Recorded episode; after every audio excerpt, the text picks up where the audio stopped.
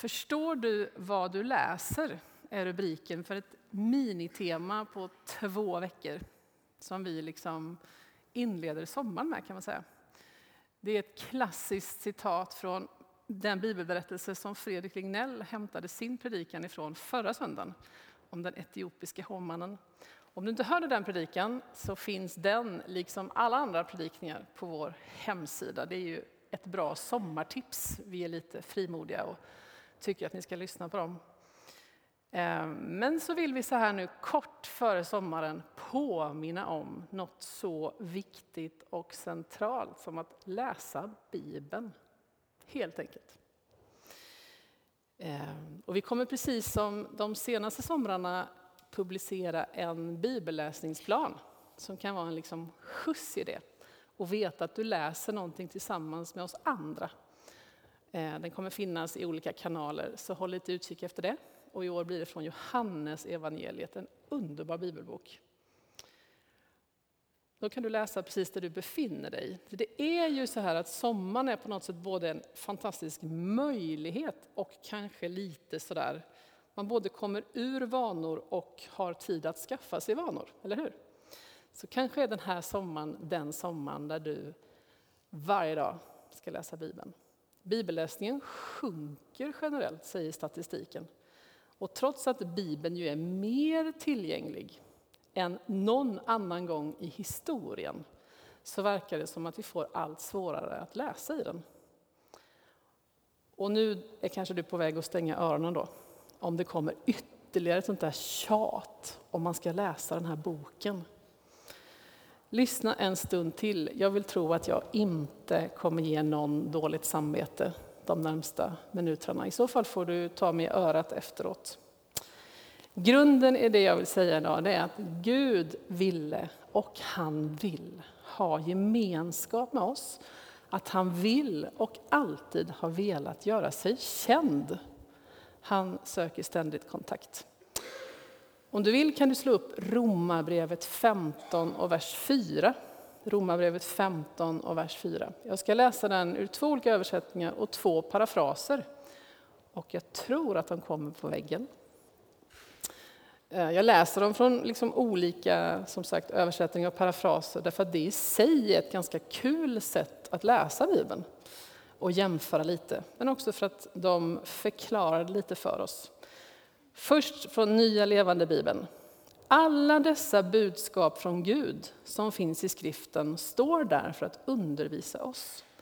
De är till för att uppmuntra oss så att vi utan att tröttna kan hålla fast vid hoppet om att till slut räddas för evigt. En annan parafras, the message. Trots att det skrevs för länge sedan kan ni vara säkra på att det skrevs för vår skull. Gud vill att skriftens på en gång ihärdiga, outtröttliga maningar och tröstande personliga råd ska prägla oss och göra oss redo för vad han än gör härnäst. Bibel 2000. Alla profetier i skriften står där för att undervisa oss så att vi genom vår uthållighet och den tröst skriften ger oss kan bevara vårt hopp. Och folkbibeln. Allt som har skrivits tidigare är skrivet till vår undervisning för att vi ska bevara vårt hopp genom den uthållighet och tröst som skrifterna ger. Visst blir man sugen? Gud vill att vi ska förstå hans ord. Han vill att vi ska få undervisning. Han vill att vi ska uppmuntras av hans ord, att vi ska bli uthålliga och vara beredda på vad han vill göra härnäst. Han söker kontakt med oss och han har skapat människan för att ha gemenskap med oss. Det är liksom själva idén. Det ser vi redan från början i Bibelns stora berättelse. När vi får höra om de första människorna så står det så här vackert att de bodde i en trädgård. Så här års i alla fall är ju det fantastiskt om man fick bo i en trädgård. Och att Gud kom på besök om kvällarna. Jag vet inte riktigt hur det gick till. Men på något sätt var Gud dem så nära. Han kom på besök på kvällarna Han sökte upp dem och han ville tala med dem. Han ville uppenbarligen från början lära känna människorna och att de skulle lära känna honom. Han ville göra sig förstådd. Och genom Gamla testamentet kan vi sedan läsa den stora berättelsen om Guds folk, hur han har ett, en relation med det här folket och med enskilda människor. Han väljer hela vägen att visa sig, att göra sig begriplig i den mån man kan förstå Gud. Och så finns den där underbara planen att det ska komma någon. Det får man läsa om genom Gamla testamentet. En person som ges många namn, varav ett är Immanuel. Det betyder Gud med oss.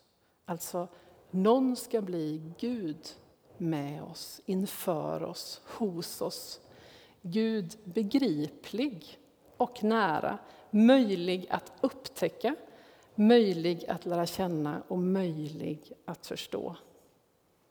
Och så kommer han då till slut. Det är ju Jesus och han vandrar mitt bland människorna. Vi lever bara i fel tid. Vi kunde varit med om vi hade levat då. Han undervisar oss, han berättar vem han är, han visar vem Gud är. Han gör sig än mer möjlig att se och förstå. När han lämnar jorden igen, som vi har firat precis när det var Kristi himmelsfärd, så gör han det med löftet om att han ska sända en annan hjälpare, som vi hörde också om för också några veckor sedan, minus en vecka, om den helige Ande. Anden ska påminna oss och lära oss allt som Jesus har sagt. Gud är en Gud som vill bli förstådd. Som gör allt för att bli förstådd. Han vill inte vara konstig, gömd, bortom allt vi kan upptäcka. Han vill närhet och gemenskap. Och ett sätt då, det här visar sig för oss idag, det är ju i den här boken. Just den här är tunn. Det finns tjocka, det finns de med stor text, det finns på nätet. Det finns i alla upptänkliga former. Men där finns han förklarad. Där finns berättelsen om honom och undervisningen om honom och undervisningen av honom. Om man ska förstå vad man läser så kan det vara bra att veta några saker. Nu blir det ju nästan söndagsskola eller kanske komfa. Då. då kan man stänga öronen en stund om man tänker att man kan allt. Det kan vara bra att veta att det här är inte en bok, utan 66 böcker. Det kan vara bra att veta att det är böcker i en massa litterära genrer. Det finns kärlekslyrik, lagtexter, historiebeskrivning, krönikor, släktregister, predikningar, liknelser, ordspråk, äventyrsberättelser, profetiska brandtal, personliga resebrev och mycket mer. Det kan vara bra att veta att den här är nedtecknad under typ tusen år. Den har inte kommit till på en eftermiddag precis. Det kan vara bra att veta att den i stora stycken inte först är det skrivna ordet, utan det talade, det berättade. Det är vanliga människor som har skrivit den här boken, de här texterna. Och Bibeln själv säger att böckerna i den är inspirerade av Gud själv, men inte dikterade. Det är en hel hög med människor som är författare. Någon är kanske ganska lik dig, vem vet? Det är skrivet i olika tider, i olika sammanhang, med olika stil, som jag sa förut, med olika mottagare och man har skrivit med olika syften. Och Gud har vakat över sitt ord och han vill göra sig synlig. Alltså är inte Bibeln, kan det vara bra att veta om man ska förstå vad man läser, en sorts liksom databas där man googlar på olika föreställningar och frågeställningar. Typ, Hur uppfostrar man sina barn? Hur hanterar man framgång eller motgång på jobbet? Hur gör man när grannen vägrar såga ner sin en på tomtgränsen? Hur är man missionär i Indien? Men visst händer det att vi önskar att Bibeln vore precis så.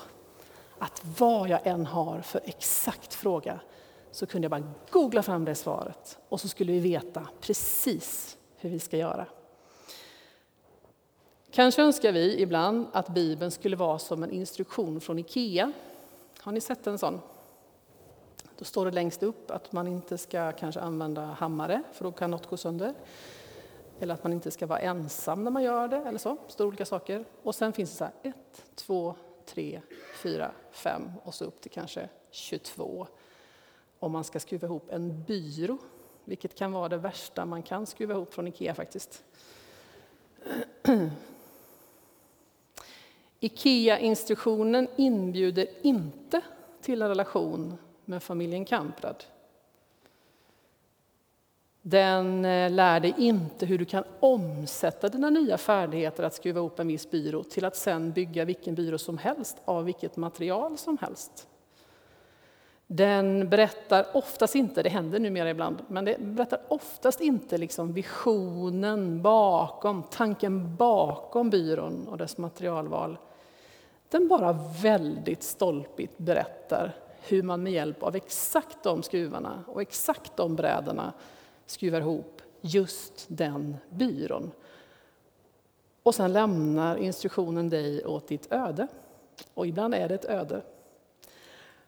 Om vi i vår församling i Ryttergårdskyrkan hade fått, liksom, om det var vi som hade blivit sambandscentralen för att teckna ner något som skulle bli Guds ord för eftervärlden, som liksom liknade Bibeln, då skulle det kanske bli allas våra Facebook-statusar, vittnesbörd berättade i församlingen, våra webbsändningar kanske, några medlemmars efterlämnade strödda dagboksanteckningar, böcker författade av missionärer och pastorer mitt ibland oss, brev och hälsningar från våra utsända, ritningar över byggplanerna, lite protokoll kanske, sånger skrivna i vår församling, hjärtskärande inskickade böneämnen, texter från ryttarbrev. Gud har valt den här ibland lite märkliga skriften för att göra sig förstådd, komma till tals, berättas om. Den handlar om honom och han visar sig där. Och det är filtrerat genom människors nedtecknade ord. Det är ett sorts levande dokument, färgat av länder och människor, kulturer och händelser. Det är inte en ABC-bok eller en 1, 2, 3 instruktion från Ikea. Om vi tror det, då blir det svårt att förstå vad vi läser. Men du kan vara övertygad om att den är full av berättelsen om Gud. Om hur han vill rädda världen, om hur han vill att vi ska leva våra liv. Vad han tänker om kyrkan och vårt uppdrag. Om hur han vill gemenskap med varenda människa. Hur vi följer Jesus och hur vi blir lika honom. Om vi ska förstå vad vi läser så underlättar det också otroligt att vi inte alltid läser Bibeln själva, utan att vi läser den tillsammans. Du kan använda din cellgrupp för att läsa Bibeln. Se till att ni läser Bibeln i cellgruppen. Eh, att vi läser i en egen bibel hemma på kammaren är ju egentligen en ganska modern företeelse och dessutom väldigt typiskt för vår del av världen. Människor har inte alltid kunnat läsa eller ägt en egen bok. Eller vi har inte ens kunnat göra böcker i alla tider. De här texterna de har återberättats, lästs högt ifrån. Eh, man har gjort det tillsammans och gemenskap, delat förståelse och förslag på tillämpning. Det är så mycket lättare att förstå Bibeln om vi gör det tillsammans. Förutom att läsa den med varandra så är ju kanske det mest fascinerande att Gud själv vill vara med oss i vår bibelläsning. Han vill hjälpa oss och han vill möta oss personligen när vi läser. Så här står det om Anden i Johannes 14, vers 26. Hjälparen, den helige Anden, som Fadern ska sända i mitt namn. Han ska lära er allt och påminna er om allt som jag har sagt er. Jag har inte varit på jättemycket boksigneringar förrän jag flyttade hit. Här ges det liksom ut böcker hela tiden, så man får springa på såna här releasepartyn och så.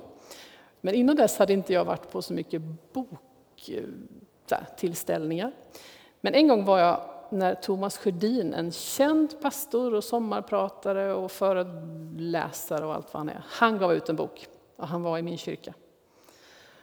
Och jag köpte boken för den ville jag gärna ha och så ställde jag mig så lite motvilligt i den där superlånga kön med människor som ville ha den signerad. Jag var lite, lite blandad till det, jag kände mig töntig på något sätt. Ehm, han skrev någonting i min bok. Jag la den i en påse och så åkte jag hem och så hängde jag den på en krok och så åkte jag bort några dagar. Ehm, och så när jag kom hem så packade jag upp det där. Och så läste jag liksom i boken med viss förvåning till Eva-Marie med kärlek, Thomas Sjödin. Jag tyckte det var lite patetiskt nästan, men jag tänkte samtidigt, jag tror han menar det, fast att han har skrivit det till kanske tusentals andra i vårt land. Och han skrev inte likadant i alla böcker. I min kollega stod det tack för kaffet. En del av oss som liksom vet väl vem Thomas är kanske tänker ja, men vi känner Thomas lite grann. Vi har läst hans böcker och lyssnat till hans sommarprat. Vi har följt hans förkunnelse. Vi vet allt om hans familj. Men nej, vi känner ju inte Thomas Sjödin särskilt mycket. Och trots hans personligt hållna signatur i den där boken så har ju inte han någon som helst avsikt att hjälpa mig att läsa den. Han hade ju lämnat mig åt sitt öde. Han skulle säkert blivit glad för något tackmejl, han kanske till och med hade svarat på det.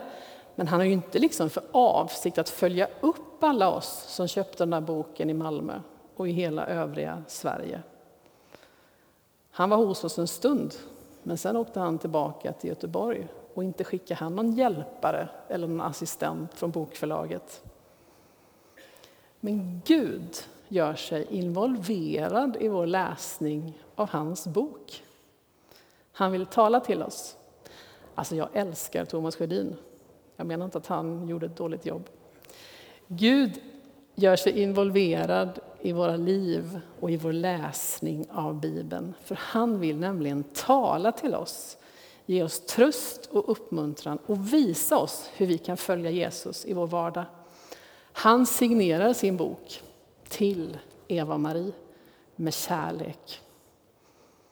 Men han har också intentionen att fortsätta göra allt han kan för han vill göra sig förstådd och han har sänt Hjälparen som ska hjälpa oss att förstå allt som han har sagt.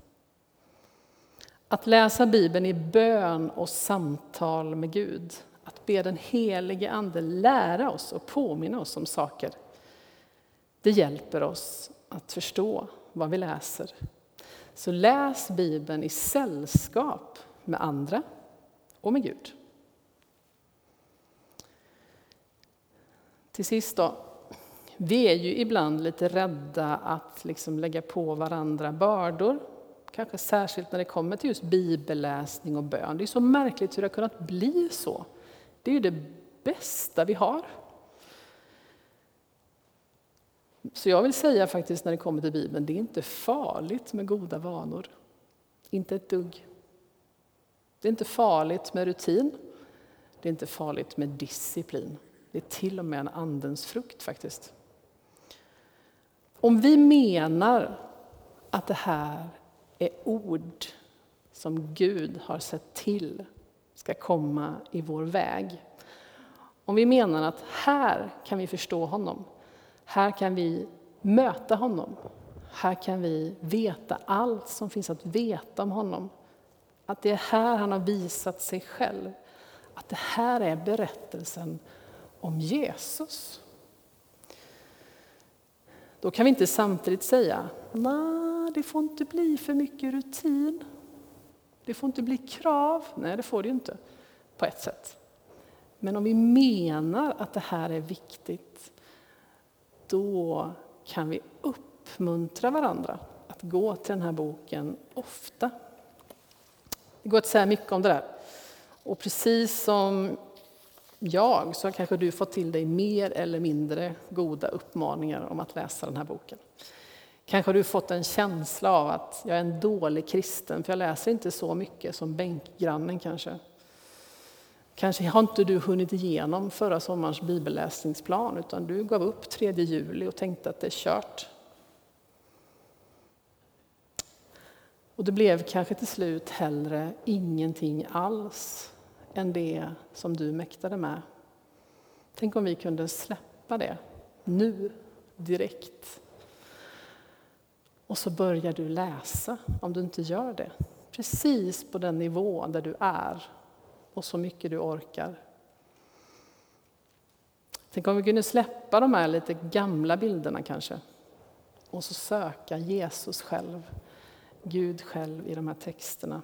Där du är den här sommaren. Till gemenskap med Gud, det är någonting stort. Till gemenskap med Jesus, till mer insikt om vad han är. Till formande, så att man blir mer som honom. Till sändande, så att vi går dit han säger. Kanske är det så att det inte läsa Bibeln som är bördan, utan att inte göra det och känna att man kanske borde. Jag tycker du ska testa. Nu i sommar då kommer det som sagt en bibelläsningsplan härifrån. Man behöver inte bry sig om vilken dag det är eller sådär, men man kan ta hjälp av det och läsa. Och tänk om du, som kanske inte läser så ofta, inte skulle låta sommaren bli en period när det blir ännu mindre, utan det är kanske nu du ska börja. Bestäm dig för någonting. Du kan läsa pyttelite och återkomma till det varenda dag. Du kan följa den där planen som kommer komma ut. Du kan bestämma dig för en helt annan plan. Och du som redan läser och har otroligt goda vanor, fortsätt med det även i sommar.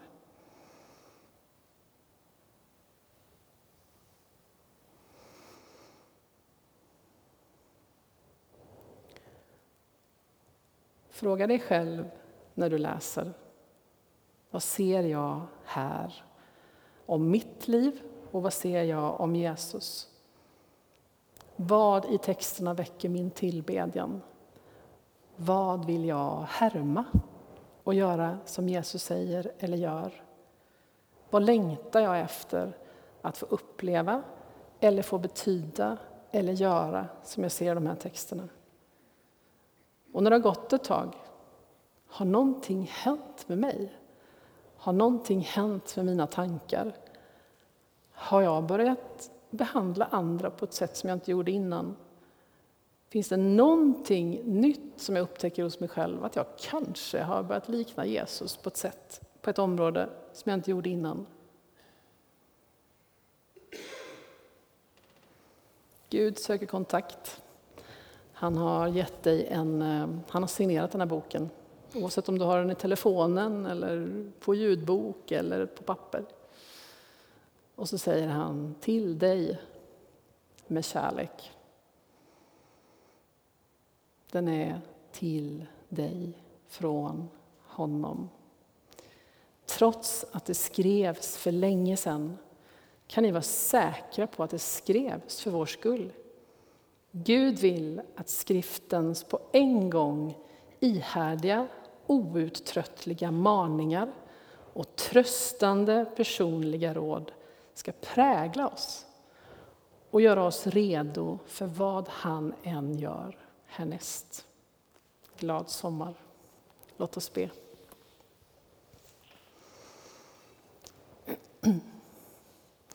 Herre, tack för att du har Sök dig till människan från den sekund som du skapade den. Herre, du har velat vara nära. Du har velat möta oss, du har velat visa dig, du har velat vara i händelsernas centrum, i våra livs centrum. Du har velat bära oss, du har velat liksom leda oss, du har velat gå före, du har velat omsluta, du har velat göra dig förstådd Och allt det här kan vi veta på grund av ditt ord. Och Herre, jag ber att du skulle den här sommaren liksom knacka oss på axeln så där försiktigt som du gör ibland och påminna oss om att du vill dra oss in i gemenskap med dig själv. Och Herre, ge oss liksom lust och nyfikenhet att söka dig ännu mer. Att läsa ditt ord. Att söka din vilja, att, att liksom tränga in i vad du säger om dig själv. Och här är den som av en eller annan anledning liksom, eh, stångas med det här eller liksom tycker att det är mer liksom börda än glädjeämne så ber jag att du skulle visa dig.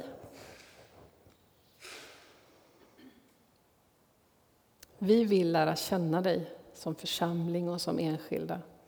Vi vill förstå din vilja. Vi vill förstå hur du tänker om den här världen och vad du vill att vi ska göra. Tack att vi får ge oss till dig än en gång, Herre. Amen.